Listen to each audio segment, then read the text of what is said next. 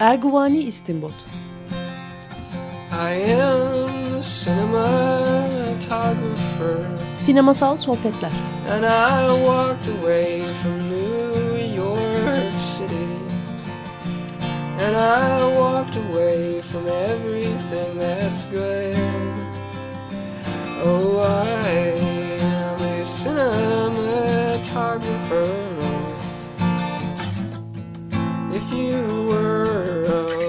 Hazırlayan ve sunan Cüneyt Cebenayak.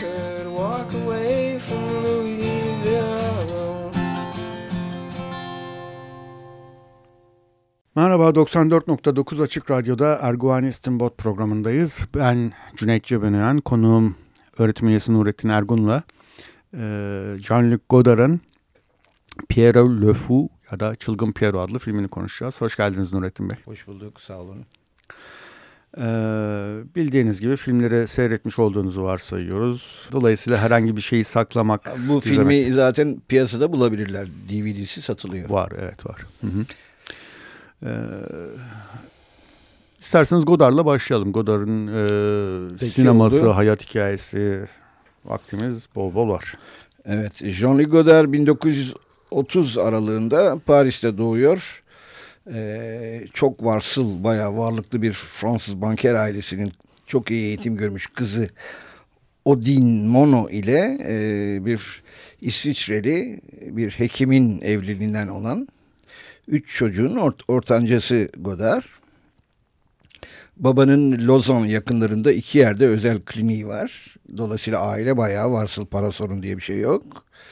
E, Godard annesi aracılığıyla, annesi yoluyla e, ciddi biçimde kitap okuma tutkunu haline dönüştürülüyor. Hatta daha ilkokul çağındayken bile anne e, onlara tatillerde yaşlarına uygun kitaplar okutur ve daha sonra e, bu kitaplar üstüne konuştururmuş onları. Yani bir, hani şu Fransız eğitiminde şey vardır bir metin okursunuz sonra sınıfta tahta önüne çıkıp diskur çekersiniz. O diskur çekmek, söylev çekmek anlamında değil, okuduklarınız üstüne serbestçe, özgürce ama çözümleyici olmak amacıyla da e, metni yorumlamanız, anlatmanız istenir. E, böyle bir eğitimden geçip bu alışkanlığı edindiği apaçık olan Odin Mono e, çocuklarına da bu okuma alışkanlığını e, e, kazandırıyor doğrusu. Biliyoruz Özellikle mesela Çılgın Pierrot'da e, filmin kahramanı Ferdinand Giffon e, e, en parasız oldukları o Güney Fransa'daki dönemlerinde bile Mariana para veriyor. Çarşıya git bir şeyler al diyor ve onun istedikleri sırf kitap almaktır. Kitaplar okuyor sürekli. Hatta ee, bir tane 45'lik alıyor kızcağız. Evet, evet. Onu da fırlatıp atıyor. Evet. 50 kitaba karşılık bir plak evet. şey. evet. Ee, Godard aslında bu okuma tutkusuyla biliyorsunuz bayağı geniş, kapsamlı bir kültür ediniyor ve sonuçta e, çok çeşitli türde kitaplardan bize filmleri aracılığıyla e, alıntılar yapıyor kahramanları aracılığıyla. Resmen kitabı okuyorlar ya da bir cümlesini okuyorlar. E, o, o alıntılar sayesinde de nasıl diyeyim filme bir yazınsal ve felsefi derinlik ya da işlev kazandırıyorlar. Godard e, Sorbonne'da etnoloji okuyor. Hı hı. E, sonra bir ara Güney Amerika'ya gidiyor geliyor ve 1950'lere geldiğimiz zaman biliyorsunuz Avrupa kıtasında yepyeni bir kurum e, sürgün vermiş ve yayılmakta. Nedir o? Sinema kulüpleri ve sinematek, Fransız sinemateki. Orada sinemateki giden herkesin çok iyi bildiği gibi ben de Türk sinematekine gitmiştim. E, filmlere hayran, tutkun bir avuç gençle tanışıyor. Bunlar daha sonra yeni dalga akımının önemli isimleri olacak isimler. Truffaut, Rivet. E, Truffaut, Eric Romer, Jacques Rivet, Claude Chabrol, e, Jacques Daniel Volcross vesaire. E, ve aynı zamanda o dönemde e, çeşitli biliyorsunuz daima Fransa sinema sever e, kitlelerin ülkesi olarak bilinir özellikle Paris. Çok çeşitli sinema dergileri, mecmuaları çıkıyor. Onlar da ya kendi adıyla ya Hans Lucas takma adıyla e, onlarca yazı yazıyor. Ve bize daha sonraki de dönemde verdiği söyleşilerden biliyoruz. O dönemini sinemanın çevresinde dolanıp sinema üstüne yoğun biçimde e, düşünüldüğü dönem olarak tanımlıyor. Özellikle e, Eric Romer ve Jacques Rivet'le e, bayağı büyük bir dostluk kurup filmler üstüne söyleşiliyor. E, sonra ne oluyor? Sonra Truffaut'la bir yakın arkadaşlık kuruyor. Bir iki kısa film çeviriyorlar. Sonra, Sonra Truffaut'la kavga ediyorlar. Evet, çok sonraları. Evet, 68'den sonra. Evet, 68 kuşağındaki politik görüşlerindeki farklılıktan ötürü. Ee, sonra Godard onu, e, şey Truffaut onu e, kendi e, 400 Darbe filminin yapımcısı olan Georges de Beauregard'la tanıştırıyor. Yani daha doğrusu kendisi aracı oluyor Godard adına. Ee, bir gün Beauregard'la Paris'te bir kafede buluşuyorlar. Beauregard ona diyor ki e, sen film çevirmek istiyormuşsun genç adam. Evet. Aklında e, film öyküleri var mı? Bana kısaca sinopsis biçiminde birer sayfaya yaz, özetle ver bakalım. Ve Beauregard e, bugün Abu Tusruf diye bildiğimiz serseri aşıkların öyküsünü çok beğeniyor. Aslında burada o öyküyü e, bir biçimde senaryo haline dönüştürmek e, amacıyla yazan da Truffaut'un kendisi. Yani Truffaut aslında onu Godard'a önermese kendisi film yapmak hı hı. istemektedir. Sonra Godard biliyorsunuz serseri aşıklarla bir ilk adım atıyor. Fakat daha ilk adımında e, ne kadar ayrıksı ne kadar e, sisteme ters birisi olduğu açığa çıkıyor. Bir gün e, yapımcı e, Paris dışındaki çekimleri yerinde görüp neler oluyor neler bitiyor diye görmeye gittiğinde şaşkınlığa uğruyor. Çünkü sinema sanayinin, sinema sektörünün alışılagelen görüntülerin hiçbiri yoktur. Ortada set işçisi yoktur, projeksiyon makineleri yoktur, ışıklar yoktur. Hiçbir şey yoktur. Sadece görüntü yönetmeni Raul Kutar vardır. Ses mühendisi Jacques Mamon vardır. Truffaut vardır. Bir de e, hemen her filminde ona e, şey olan süreklilik yazmanı diyeceğimiz Suzan Schiffman vardır. Jean Seberg bile e, çok şaşkındır. Böyle hiçbir film çevrildiğine hayatında tanık olmamıştır. Ve orada Godard'a kızıp öfkelenmiyor ama e, hemen arabasını atlayıp Paris'e geri dönüyor. Ve Truffaut'a bir e, azar telefonu açıyor. Ya diyor bana methettiğin adam sinema falan bilmiyor diyor. Bir soytarı diyor yani. Bu ne biçim iştir böyle film çevrilir mi diyor. E, Truffaut onu biraz sakinleştiriyor falan filan. Fakat film daha sonra piyasaya çıkıp da e, hem klasik geleneksel sinema düşkünü seyircilerin hem de yenilikçi e, seyircilerin bayağı beğenisini topluyor. Özellikle Amerika'da ve İngiltere'de e, çok iyi para getiriyor. Ve dolayısıyla e, şey, Godard kendisine bir yol açmış oluyor. Ee, bugün konuşmak istediğimiz, ayrıntılarıyla konuşmak istediğimiz Çılgın Piero onun altıncı uzun filmi. Ve bu e, ilk ilk döneminin son ilk filmi. döneminin e, sondan bir önceki diyelim. Çünkü ondan sonra da şey var. Hakkında bildiğim bir iki şey. E, evet Paris teki kentsel evet, dönüşümde. Paris kentleşme yapısını üzerine çıkan toplum bilimsel durumu e, yine Brechtçi bir anlatımla irdelediği film. E, şimdi Godard'ın e, ne yaptığı, ne yapmak istediği ve hangi çizgiden geldiğini daha sağlıklı ve iyi öğrenebilmek için bence e, Godard'ın daha o ilk hani sinemanın çevresinde dolanır dolanıyorum, sinema üstüne sürekli düşünüyorum dediği evrede yazdığı e, eleştiri yazılarını okumak ve hemen hemen yeni dalga kuşağının neredeyse birkaçı dışında tüm yönetmenlerinin hayran olduğu Amerikan sinemasına olan hayranlığını e, fakat eleştirel biçimde yani e, böyle gözü kapalı bir hayranlık değildir o.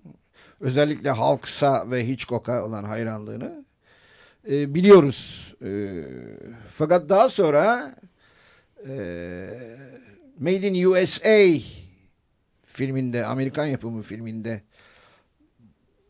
bize aktaracağı gibi e, sinema gramerini konusunda onu bir hayli yaman biçimde etkileyen üç tane e, ayrıksı bir Hollywood ustasından söz eder. Bunlar Joseph Mankiewicz, e, Nicholas Ray ve Samuel Fuller'dır. E, demin sizle de yaptığımız e, ön konuşmada, sohbette dile getirmiştim. Mesela e, yaklaşık 7-8 ay önce Nicholas Ray'in The True Story of Jesse James'ini e, YouTube'dan seyrettiğimde gerçekten hayran kalmamak mümkün değil. Nicholas Ray çerçeveyi ve ama ondan daha öte e, rengi olağanüstü ustalıkla kullanan yönetmenlerin bir tanesidir. Yani sinemanın görsel işitsel niteliğini bu üç yönetmen aracılığıyla Godard bayağı iyi beller. Bayağı iyi öğrenir. Ve e, Çılgın Pierrot'daki ciddi resim kültürü ve görsellik ögeleri bence işte bu hayranlığın bir unsurudur. Ama aynı zamanda tabii e, modern resme de özellikle Picasso'ya e, filmde zaten selam sarkıtır sürekli epey gözüküyor. Bütün e, mekanlarda Picasso'nun e, resimlerinin afişlerini görürüz. Hatta film bile biraz kübik bir film denilebilir mi diye de düşünmedim değil seyrederken. Kübik? Yani e, resimdeki kübizmin bir anlamda sinemadaki karşılığı mı diye düşündüm e, Piero Lefou'yu. Kübizmden biraz daha ileride bir aşamadayız herhalde orada. E, yani modern resim diyelim şuna. E, yani Picasso'nun 1950'lerdeki resimleri e, sergilenir. E, sürekli olarak e, Picasso'nun olsun başka ressamların tabi Picasso ile pek ilgisi yok ama Jean Renoir'ın şey Jean Renoir demişim Auguste Renoir'ın izlenimci hmm. ressam Auguste Renoir'ın tabloları e, sürekli olarak kare kare önümüze çıkartılır. Yani dolayısıyla filmin ciddi ölçüde resimsel bir görsel ögeler toplamı olduğu bize hep sürekli hatırlatılır. Pop Art'ın da izleri evet, vardır. Evet, evet, evet. Yves Klein adlı bir Fransız ressam var. Bu monokrom tablolar yapıyor mesela sade ve e, mavi. E, o filmin sonunda mesela şeyin Jean-Paul Belmondo'nun yüzünü boyadığı mavi renk için e, Yves Klein mavisi deniliyor. Öyle mi? Hmm. Evet. Ee, şimdi gelelim e, bu film bugün tam 50 yaşında. 65 evet. yılında çevrildi. Godard'ın 6. uzun filmi. Neden bu kadar önemseniyor? Neden e, özellikle çağdaş sinemanın önemli bir uç noktalarından biri diye nitelendiriliyor. Onu hakkında bilmiyorum e, sağlıklı bir çözümleme yapabilecek miyiz? Godard e, her tür Amerikan gangster filminin yüzlerce örneğini seyrettikten sonra bugün geldiği noktaya olan ulaştığı yerde e, ara yerde bir yerdedir. Bugün biliyorsunuz Godard artık hikayeler anlatan filmlerden nefret ettiğini açıkça söylemektedir. Çünkü hikayeler anlatan film ona göre e, günümüz kültürünü sadece tekrarlamaya, yinelemeye, sürekli sürgit aynı şeyi tekrarlamaya yarar. E, oysa bir e, yepyeni şeyler söylemek gerekir. E, Essay diyor zaten değil mi? Yani yaptığı işlere makale bir anlamda. Evet. Hı hı. Bütün filmler özellikle o e, hakkında bildiğim hikayede şey. Hı hı. E, evet. Ondan sonra e, burada e, Lionel White diye bir ucuz Amerikalı polisiye roman yazarının Obsession diye bir romanından yola çıkıyor. Fakat müthiş derecede serbest bir uyarlama gerçekleştiriyor. Hı hı. Ortada klasik Hollywood filmlerini andıran e, bir ana iskelet var gibi duruyor. Nedir o? Kötü adamlarla e, iyiler arasında bir kaçıp kovalamaca, hı hı. öldürmeler, yaralamalar. Hı hı. Filmin başında Ferdinand, Jean-Paul Belmondo'nun oynadığı Ferdinand zengin bir İtalyan ailesinin kızıyla evlenir fakat evliliği artık tek düze e, bir hale gelmiştir. E, o evlilikten kaçıp sıyrılıp kurtulmak istemektedir. Kayınpederinin ısrarıyla bir gece partisine gidiyorlar. Orada insanlar sürekli reklam diliyle konuşuyorlar. Aynen öyle. Ee, birer e, alıcı, e, tüketici, tüketici bir kişiliksiz hanımlar sürekli parfümlerden, güzel sabunlardan, erkekler de yarış otomobillerinden bahsediyorlar. Ya. Orada bir köşede duran sessiz duran birisi dikkatini çeker. Onunla konuşur. Adam gerçek kimliğiyle Samuel Fuller'ın bizatihi kendisidir. Ee, ne yaptığını sorar. Sinemacıyım der adam. Ben film yönetmeniyim der. Peki sizce sinema nasıl bir şey diye sorar Samuel Fuller'a. Samuel Fuller o ünlü Amerikan aksanıyla e, sinema bir e, savaş alanıdır. İçinde aşk vardır, nefret vardır, kovalamaca vardır, e, takip vardır, hareket vardır. Ama sonuçta toplu olarak emosyonlar, emotionlar vardır der. Aslında bu yani Samuel Fuller'ın o sahne için doğaçlama bir cümlesi midir yoksa Godard tarafından ona bu tür konuşması istenen bir cümle midir? Çünkü birazdan izlemeye başlayacağımız film hemen hemen bu ögelerin her birinden yararlanıp bunları bir araya getiren bir filmdir. Hı hı, hı. Sonra eve döndüğünde e, eskiden tanışıklı olan e, Marian'la karşılaşır. Marian o sıra çocuk bakıcılığı yapmaktadır. Ve onunla e, bu tek düze evlilik yaşamından kurtulmak için kaçarlar. Maria'nın e, Paris'te çatı katında derme çatma ama modern bir inşaatın henüz tamamlanmayan bir dairesinde geceyi geçirirler. Ve orada ilk kez asla açık seçik görmediğimiz bir öldürme olayına tanık oluruz. Adamı ölü olarak görürüz. Öldürmüştür evet, zaten. Yani onu ama Maria'nın öldürdüğünü de anlarız. Hmm. Ortada sağda solda e, Kalaşnikovlar vardır. E, bir sürü makinalı tüfek vardır. Tüfek şeyleri içinde. Sandıkları içinde. Ve duvarda da Oasis yazar. Oasis e, Organizasyon Arme de Secret yani bu e, De Gaulle'ün Cezayir bağımsızlığını tanıdıktan sonra milliyetçi aşırı milliyetçi e, Fransız subaylarının kurduğu gizli silahlı örgüt Faşizan bir örgüt. Faşizan bir örgüt. E, De Gaulle ve o benzeri düşüncedekilere suikastlar tertiplemeyi amaçlayan hı hı. ve öğreniriz ki Maria'nın e, kardeşim diye tanıttığı Fred aslında sonunda filmin sonunda onun sevgilisi olduğunu öğreneceğiz. İşte bu Oasis'e ve benzeri dünya üzerinde özellikle Afrika'da gerçekleşen bütün iç savaşlara silah kaçakçılığı yaparak para kazandığını öğreniriz. Ve Fred e, bir takım kötü adamlardan da paralar çalmıştır. 50 bin dolar gibi. Hı hı. Onlar da Fred'in peşindedirler. Fred'in peşinde olunca Maria'nın peşindedirler ve ve bu ikili bu e, cinayetin ardından bir dürbünlü tüfek alıp bir de sadece sadece bir çizgi roman yolda okumak üzere. Ha. Onlarla e, kaçarlar. Sonra Paris dışına çıktıkları zaman mesela e, Godard'ın e, e, Brechtçi anlatımının bence ilk çarpıcı örneklerinden biri olan yık, yıkık bir viyadük vardır. Aa, evet. Başı sonu olmayan. Hmm. Biraz ötede e, enerji santral hatları. O viyadükten bir araba uçmuştur. Başın üstüne diklemesine. insanlar ölmüşlerdir. Ama o ölümlerin her biri e, nasıl diyeyim böyle. Enstolasyon gibi böyle. Evet. Yani bir, bir tür e, çarpıtılmış müsamere anlayışıyla hiç geleneksel ölümlere benzemeyen. Evet. Poz verir gibi duruyorlar evet. yani. Ve e, çaldıkları e, o, o onları oraya getiren arabayı orada yakarlar izlerini kaybettirmek için. Ki Ve bagajında da para da vardır. Ya o Marian bunun dolar, farkında değildir. Milletin peşinde olduğu 50 bin dolar da o arabadadır. Evet. Ee, Ferdinand o paranın varlığından haberdardır da Marian'a söz etmez. Demek ki Ferdinand bir şekilde tamamen kopmak istiyor sistemden. Evet. Yani Ferdinand o kaçıp kovalanıcının dışında kalmak istiyor da. Paranın doğrusu, da dışında kalmak istiyor. Bir tür evet. Modern yaşamın dışında kalmak istiyor gibi. Evet çok doğru çok doğru.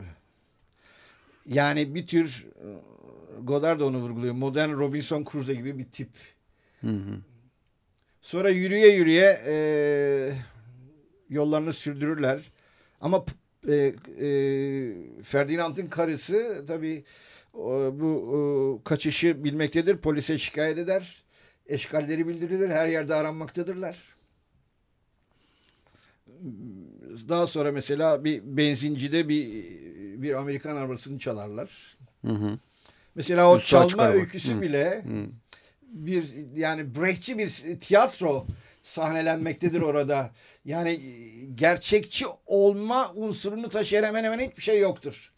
Ya bu, bu, bu ve benzeri sahnelerde Godard bize e, klasik Hollywood filmlerinin izleklerinden birini sürdürdüğü ama onlara benzer bir yapının asla kurulmadığı ve kurulamayacağı bir öykü anlatmakta olduğunu hiçbir şekilde gerçeğin taklidini yapmaya çalışmıyor. Asla. Tam Asla. tersine onu bozuyor. Evet. Sürekli bozuyor. O çaldıkları Oldsmobile Güney Fransa'ya doğru yol alırlar. Ee, bir ara şey Belmondo, Godard'ın filmdeki yansıyan kişiliği diyelim. E, arkaya dönük e, seyircilere e, konuşmaya başlar. Marian şaşırır. Kimle konuşuyorsun ya der. E, e, seyirciyle konuşuyorum der. Ha öyle mi? İyi peki der. Yani Orada da Erbakar. Bir klasik e, içinde ölümler, kovalamacılar, yaralamalar olan bir Amerikan gangster filminde böyle bir sahneyi tasarlamak bile söz konusu değildir. Yani burada bir yabancılaştırma e, tekniği, bir Brechtian teknik hı hı. kullanıldığı çok açıktır. Daha sonra bu kaçıp kovalamacılardan sonra biraz filmde bir andante bölümüne sanki geliriz. O Güney Fransa'da tembellik günleri başlar. Hı hı. E, şehrin dışında e, bir tane bir Hatta balık filan avlar Marian. Evet. Zıpkınla. Yani daha doğrusu avlamış olduğunu görürüz. Evet. Ee, bir kulübede yaşarlar. Hı. Sahilde dolaşırlar. Ferdinand sürekli kitap okumaktadır. Sürekli Hı. kitap okumaktadır. Marian ise artık e, bu kaçıp kovalamacadan bu yokluk içindeki yaşam günlerinden bıktığını belirtir. İşte sıcak banyo yapmak istiyorum. Güzel elbiseler giymek istiyorum. Ee, bıktım bu yaşamdan der. Ama Ferdinand oralı bile değildir. Sizin dediğiniz gibi e, yani bir tür e, entelektüel Robinson Crusoe gibi davranmaktadır. Hatta bir ara şey bile yazar. O bir e, not defteri görür. başlar. My girl, my fr My, Friday, My Girl Friday. My Girl Friday Hawks'ın, Hawks'ın filminden alıntı. Evet. Hawks'ın aynı isimli filmden. Ama işte kendisi Robinson, e, Marian da onun işte Friday, Marian'ın Cuma'sı. biliyorsunuz Rain vardır. Marian Rain evet. var. e, Griffon da şey değil midir? Ee, bir tür mitolojik canavar değil midir bu Griffon diye bir Ferdinand Griffon. Gifron, Gifron e, olabilir bilmiyorum. Gifron mu? Ha Griffon o diğeri Griffon değil, Gif, Gifron evet. Ee, sonra e, tabii paraları tümüyle tükenince e, karamsarlık ve sıkıntı artar. Ne yapalım ne yapalım? E, sahile inip turistlere şaklabanlık yapalım. Evet. E, pandomim oyunlar oynayalım. Amerikalı Biraz, turistler vardır e, orada. Hı. Para kazanabiliriz derler. E, ve orada e, sürekli radyo e, otomobilin radyosunu aldıkları Vietnam Savaşı üstüne Vietnam'daki savaşın ne kadar ciddi ve ölümcül olduğu üstüne bilgileri de vardır. Ki ee, o dönemde daha Vietnam Savaşı o kadar e, dünyanın gündemine oturmuş değilmiş 1965'te. Daha bir iki yılda daha sonrasında daha fazla yani Fransa'nın Vietnam'dan çekilip Amerikalıların devreye girmesi 60'ların başı. Evet evet. Ama hani ama e, yani Amerika evet o daha sonraki napalm yağdıran ölüm kıyıcı, e, ölümcül e, politikalar henüz başlamamıştır ama Hı hı. E, yine de e, Vietcong'la ciddi savaşlar vardır. Var var tabii. Yani şey ama e, duyarlılık batılı entelektüelin Vietnam Savaşı'na olan duyarlılığı henüz çok yükselmiş değil 65'te. Yani Godard o anlamda biraz öncü deniliyor. Evet. Ama savaşın işte sizin dediğiniz gibi ayrımına varıp seyirciye bunu Evet. Yani ilk gösterenlerden Gösterir. biri, ilk evet. dikkat çekenlerden biri. Ve e, yani tıpkı işte Brechtçi bir orada biliyorsunuz denizin üstüne e, benzin atıp yakarlar. Bu hı hı. alev alevli bir Vietcong köyüdür. Hı hı hı. Ee, Belmondo bir Amerikan subay elbisesi bulur. Ee, çok abartılmış bir müsamere gibi. Yes, no, yes. Evet, evet. I kill you falan filan. Ve e, şey de e, Marian yani Anne Karina e, bayağı etkileyici bir e, savaştan evet. etkilenmiş Vietconglu kadını oynar. Evet, evet. Chang Ching Chong. Ağlamaklıdır ama dirençlidir e, Amerikalıya hmm. karşı.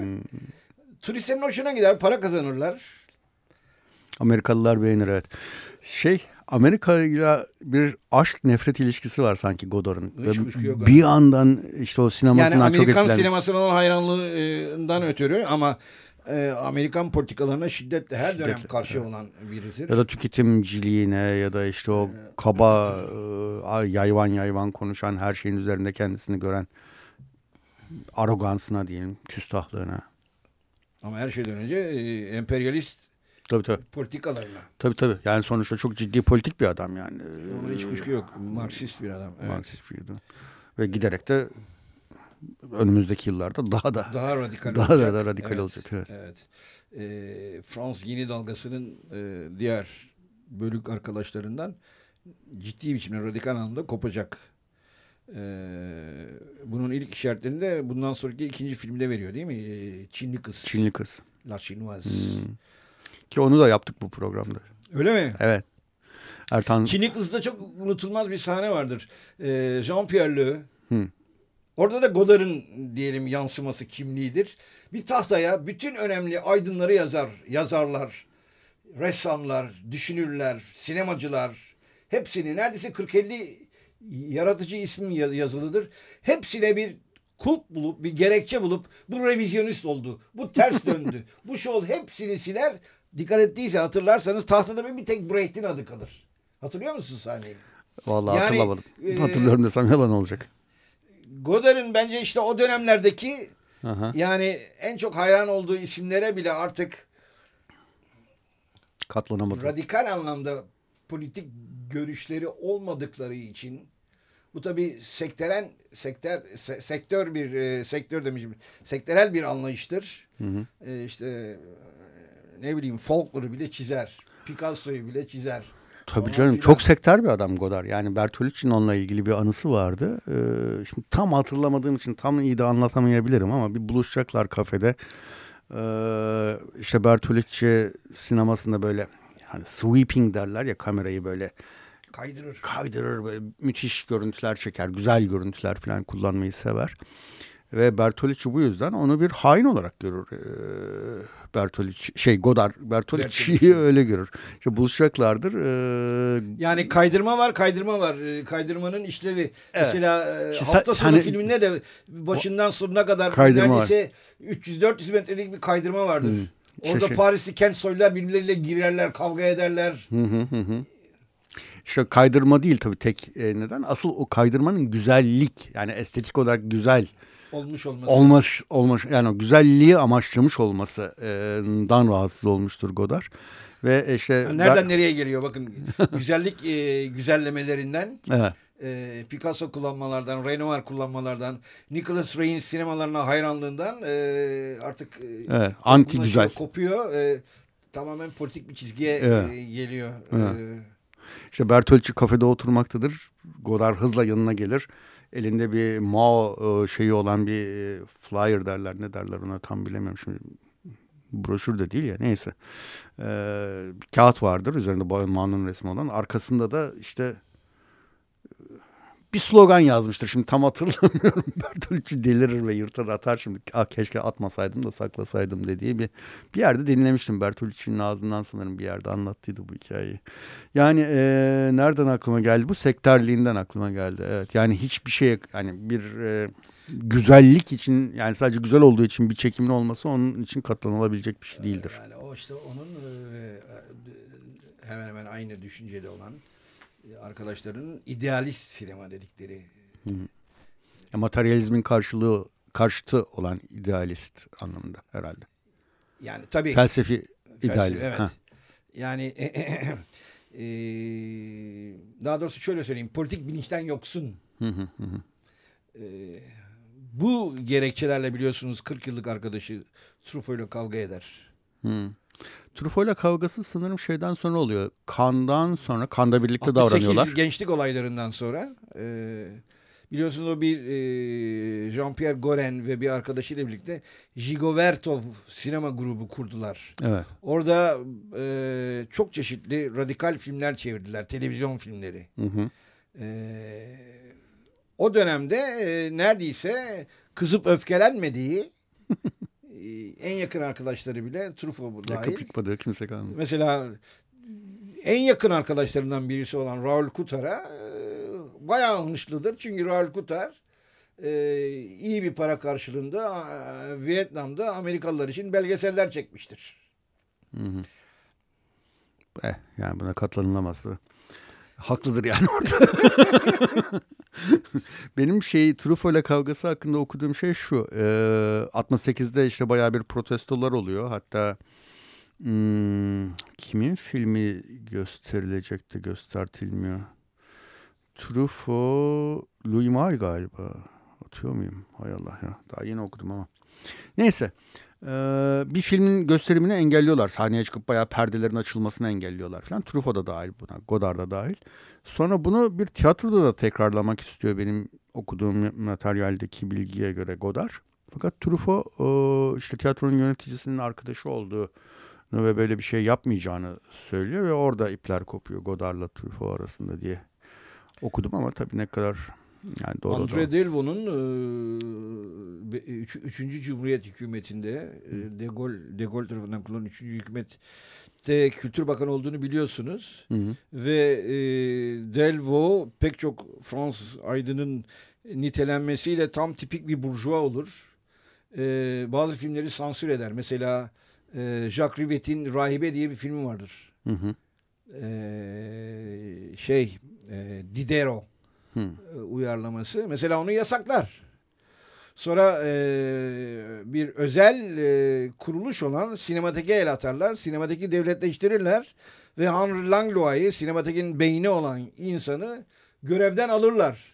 Evet. Bu çok büyük bir tepkiye yol açar. Orada e, bir fotoğraf biliyorum mesela. Godard, Truffaut benzerleri el ele tutmuşlar. Şanselize'de Delvo'ya e, hayır yürüyüşleri yüksek sesle bağırtı çağırtılı şeyler yapmaktadırlar. Ama işte daha sonra hatta Bertolucci bunu The Dreamers diye bir film çekti. Ee, son filmlerinden biriydi. Dreamers. Ee, Dreamer? Dreamers. Yani hayal görenler, rüya görenler. Truffaut mu?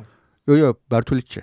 Ha, Bertolucci. Bu, ha, evet şey o. O filmde bu, bir, bu buna dair... Bir, bir tür serbest Dostoyevski uyarlamasıydı değil mi o? Aa yok sanmıyorum ya. Öyle mi? Değil değil. Daha çok bu 1968 olayların ha, sırasında ha, ha. kendi da, içine kapalı. Yakın dönemde 10 yıl önce falan ee, çektiği ee, tabii, tabii, tabii, anladım, anladım, anladım. Hmm. Orada bu bu kendisini işte sinematekin kapısına zincirlemeler falan evet, gibi şeyler evet, vardı evet, diye hatırlıyorum. Evet, evet. Neyse yani. Ama Delvaux biliyorsunuz o protestolar üstüne geri adım atmak zorunda kalır ve Henry Ver şeyi Langlois'ı tekrar görevi iade eder ama e, devlet kontrolünde e, bir sinematek yapısı da sürer yani. E, daha sonra mesela bir yasa çıkarttılar. E, Fransa'da çevrilen bütün Fransız filmleri ve yapan, yabancı e, yapım filmlerinin hepsinin birer kopyasını sinemateke bağışlanması gerektiği yani sinematek çok ciddi bir arşiv oluştursun diye onu da hatırlıyorum. Hı hı. Ee, Henri Langlois'ın Türkiye Sinemateki'nin kuruluşunda da bayağı bir desteği olduğunu çok biliyorum. Çok müthiş, müthiş. Hı hı. Ee, çünkü Onat'la Henri Langlois çok yakın arkadaştılar. Onat'ın Paris Sinematek günleri döneminden. Hı hı. Evet, e, tabii olmaz mı? Bu arada istiyorsan ondan da, ondan da bahsedeyim. Çünkü o bir e, şeyin e, Henry Langlois ve e, Jacques Daniel Volcroz daha sonra da Georges Franjou. E, ama öncelikle Langlois ve Volcroz neredeyse ceplerindeki harçlıkları bir araya getirip toplayabildikleri bütün pozitif filmleri e, bir yerde biriktirmeye başladılar. Hatta önce ilkel biçimde ikisinin bir, bir tanesinin e, evinde böyle e, banyonun içine, küvetin içine depolarlar falan filan. Ve sonra Langlois çevresine Lütfen bize yardım edin. Ciddi geniş kapsamlı bir film arşivi oluşturmayı düşünüyoruz. Bunu daha sonra bir sinema kulübüne dönüştürüp e, sinemayı yaygınlaştırmak istiyoruz diye ve o yardımlar sayesinde Sinematek Fransız oluşur. Hı hı. Yani o oluşumda e, kişisel e, yardımların dışında hiçbir devlet yardımı yoktur. Halbuki aynı dönemde Danimarka'da bir sinematek kuruluyor biliyorsunuz. Devlet sinemateki o. Hı hı. Tümüyle devletin denetimi ve yardımı altında. Hemen hemen eş zamanlı olarak e, şeyde New York'ta MoMA'da Modern Museum of Art'ta bir sinema kulübü kuruluyor. O hı hı. da o e, de, işte, müzenin e, ödenekleriyle yürüyor. E, orada da ciddi eleştirmenler mesela ilk kurulduğu dönem e, şey e, 1940'lar e, Hawks'ın şeyi Only the Angels Have Wings hı hı. filmi oynuyormuş piyasada. E, birisi demiş ki bak bu film çok önemli. Bunu hemen bir kopyasını alın. Bu, bu biçimdeki uyarılarla bir sinema hmm. arşivi oluşturuyorlar. İsterseniz bir nefes alma molası tamam, verelim. Ee, filmden güzel e, müzikleriniz de var. Aha. E, seyirciye evet, özellikle evet. filmin sonunda harika bir dans sahnesinde kullanılan müziği izletmek harika olur. Ee, onu tam almamış olabiliriz. Arada bir şey şarkıları var ya e, Mar, e, Marianne'la Jean-Paul Belmondo'nun e, işte hayat çizgim e, çok kısa. Olağanüstü bir Çok güzel. O. Evet, çok güzeldi. Kanda e, o da ben, ben, bir yörede ha. nefis bir e, koreografiyle hmm. serbest bir koreografi dedim dans ettikleri hmm. şarkıyı Anne Karina'nın söylediği. Evet. evet. Anne Karina'yla düet yaptıkları. Düet yaptıkları. Jean-Paul Belmondo'nun yani kız şey der işte hayat çizgim çok kısa bu konuda ne düşünüyorsun? O da hayat çizgim beni ilgilendirmez. Benim baldırlarının e, yuvarlaklığı ilgilendiriyor gibi bir şey. çizgisi. Aynen. evet Maligne de Chance'ı dinliyoruz e, filmin müziğinde. E, merhaba 94.9 Açık Radyo Erguvan İstinbot programında ben Cüneyt Cebenayan. Konuğum Nurettin Ergun'la e, Çılgın Pierrot'unu konuşuyoruz Jean-Luc Godard'ın. E, şeyi e, film Jean-Luc Godard'ın hayatında da bayağı bir dönüm kişisel hayatında da bir evet. dönüm noktasına evet, tekabül evet. ediyor. 1971 Mayıs'ında biliyorsunuz o e, bir motosikletle Şanzelize'ye çıkarken bir kamyonun altında kaldı. Çok ağır ölümcül yaralandı. Kaburgaları kırıldı. Beyin kanaması geçirdi. 61'de. 71 Mayıs'ında. Ama bu çok sonra. Ha peki. Evet. Yani o o e, yaşamındaki ikinci ev, e, evrenin e, daha doğrusu üçüncü Jigo Vertov grubuyla yaptığı Hı. filmler döneminin e, e, bir bakıma sonuna getirdi. Çünkü e, o yaralandığı gün Fransa'da bütün ajanslar e, onun ölümcül koma halinde hastaneye kaldırıldığını duyuruyorlar. Eğer yanılmıyorsam 4 ya da 5 ay hastanede yatıyor kadar. Bir aya yakın koma halinde yatıyor. Vay be. Fakat çıktıktan sonra garip bir şey oluyor. Yani bir bakıyor etrafına e, mesela Jean-Pierre Goren ayrılmış. E, ama daha doğrusu Jean-Pierre Goren'le o bir e, Jane Fonda'lı Montanlı bir film vardır. E, Tout va bien. Tout va bien. Hı hı. Fabrikada geçer grev. E,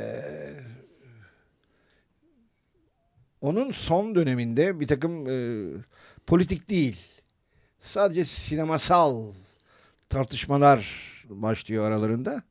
Ee, ve en sonunda telefonda birbirlerine e, söylemeyecek sözler söylüyorlar. Goren'le mi? Goren'le evet. Ondan sonra o hastane evresinden sonra çıktığı zaman Godard çevresinde Goren yok. Gigoverto hmm. grubu yok. Hmm. Ee, ona film yapması için öneriler getiren yapımcılar yok. Ve İsviçre'de e, e, ünlü bir kasaba var. Nerede o şeyle Jönev'le şey arasında, Lozan arasında galiba. Ee, orada bir e, evi var. Küçük hı hı. bir bahçe içinde.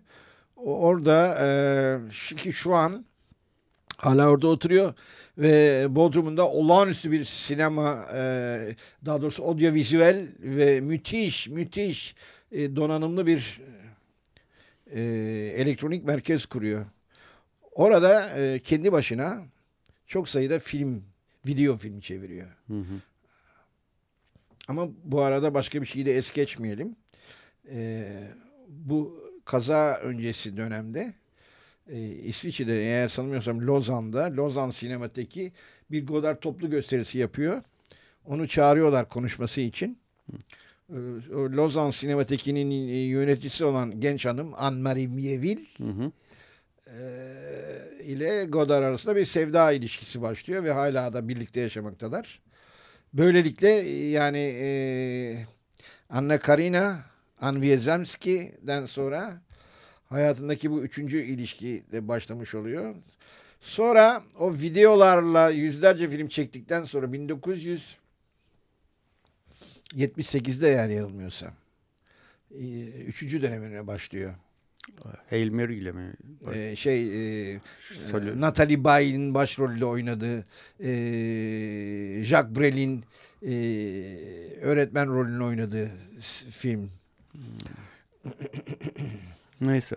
İsterseniz şey filmimize Tekrar, geri dönelim. Filmimize geri dönelim. Hmm. Ben şeyi e, siz kaldığımız yerden devam ettiniz. Ben başka bir şeye geçmiştim. E, dolayısıyla aramızda bir küçük bir iletişimsizlik oldu. E, siz haklısınız tabii. Yani kaldığımız yerden devam ettiniz. E, ben şeyi anlatmaya çalışıyordum. Bir e, bu film e, Piero Löf'u. Yok hem o var hem de temel sorun. temel sorun o. E, ama ne anlattığını biraz da şeyinden de e, çıkartmak mümkün diye düşünüyorum. Özel hayatı e, Godard'ın, Godard'la Anna Karina'nın ilişkisinin bir kriz e, içinde olduğu evet. ve bitmekte evet. olduğu hatta belki de bitmiş onun üzerine e, evet. e, bu Anna Karina o dönem e, Maurice Rone ile yaşıyormuş. Hı. Fransız oyuncu. Hı hı. E, Maurice Rone'nin İspanya'da bir evi varmış. Sürekli oraya gidiyormuş. Hı hı. E, yani o ilişki artık kopuk vaziyette. Bir daha onarılmaz biçimde. Fakat yani bu film için oyuncu tasarlarken kafasında yine Belmondo ve Karina'yı öneriyor ve yani Karina'ya tekrar orada başka şeyler de var. Ama yani diyorsunuz Anna ki Belmondo ile Karina'nın filmdeki gergin tartışmalı aha, aha. E, hayatı kendi yaşamından bir yansıma. Yansıma tabii. Evet yani Piero da zaten hani e, üzgün palyaço falan anlamında kullanılan bir evet, evet, evet, sözcükmüş evet, ve evet. üzgün palyaço olarak kendisini görüyor biraz Jean Daha doğrusu Marian bütün film boyunca Ferdinand'a Piero diyor. Piero diyor. Aslında bütün Ferdinand. Film, ve Ferdinand da bıkıp sanmadan benim adım Ferdinand değil Piero diyor. Ama kızmadan. Tersini söylüyor. Benim adım Piero değil Ferdinand diyor. Ben Piero değilim Ferdinand'ım diyor. Doğru evet. Yani öyle bir e, filmin şeyi var. E, gerçeklik üzerine oturmasında yani gerçek ilişkisi üzerine ve belki hani onun bitmişliğinin e, Maria'nın e, Marian karakterinin Ferdinand'ı bir şekilde aslında manipüle ediyor. Kendi çıkarları için Zaten kullanıyor. evet. Evet sonunda anlıyoruz. Yani e, silah kaçakçılığı yapan Fred'in onun e, kardeşi değil sevgilisi, sevgilisi olduğunu. olduğunu. Amacı e, onunla bir yerlerde buluşup e, parayı e, kırıp kaçmak olduğunu özellikle işte Güney Amerika'ya ya da Amerika'ya kaçmak olduğunu anlıyoruz. Ve e, Fakat şey... kötü adamlar onu hı. onu onları Riviera'da tekrar yakalıyor biliyorsunuz. Hı hı. Bir e, otel odasında. Filmdeki en unutulmaz sahnelerden bir tanesi bir cüce gangster çıkıyor. Mariana evet. Mariana ders vermek amacıyla. Cüce bir gangster neredeyse yani boyunun yarısına ya üçte birine yaklaşan koca koca silahlarıyla Marian'ı tehdit ediyor. Hatırlıyorsunuz. Doğru, doğru. Ve Marian oralı bile olmuyor. Yani onun o tehditlerinin evet. çocuksu olduğuna, yapmacık olduğuna neredeyse seyirciyi inandırıyor. Ve Fakat de, daha sonra makasıyla e, da öldürmüş makasıyla oldu. da onu ensesinden öldürüyor. Evet. Öldürme sahnesine hiç tanık olmuyoruz ama akan kanlar yerlerdedir. Evet. Ee, öteki adamlar e, bunun üzerine evi basıyorlar. O sıra e, Ferdinand'ı esir alıyorlar waterboarding diye ben yeni yani bu Irak Savaşı... Cezayir'de çok sık kullanılan bir e, şeymiş o işkence hmm. yöntemi. Ben Irak Savaşı'yla duydum waterboarding'i. Meğerse bu filmde varmış. Cezayir Savaşı'nda kullanılmış. Öyle mi? Kahramanlardan biri diyor. Bu, bu, bu, bu yöntemle Cezayir'de çok Cezayirlileri konuşturduk biz diyor. Hı hı. E, suratına bir elbise e, havlu ya da işte havluyla tişört. sarıp e, soluksuz bırakıp dakikalarca suyun altında bırakmak hı hı hı. yöntemi. E, o CIA, sıra yine e, pek o, sevdiği ağaçlık bölümde tam bir Brechtian kovalamaca başlar. Arabaların biri gider biri gelir e, elipsler çizerler daireler çizerler birbirlerine ateş ederler. Kimin ne olduğu e, belli değildir. E, tam bir karmaşa. Yani dediğim gibi yine Amerikan gangster filmlerini esas alacaksak hiç böyle bir şeye rastlamayız biz Amerikan gangster filminde. Kaç kovalamacı böyle olmaz. Hı hı. Kaçtığınız yere tekrar geri dönüp evet.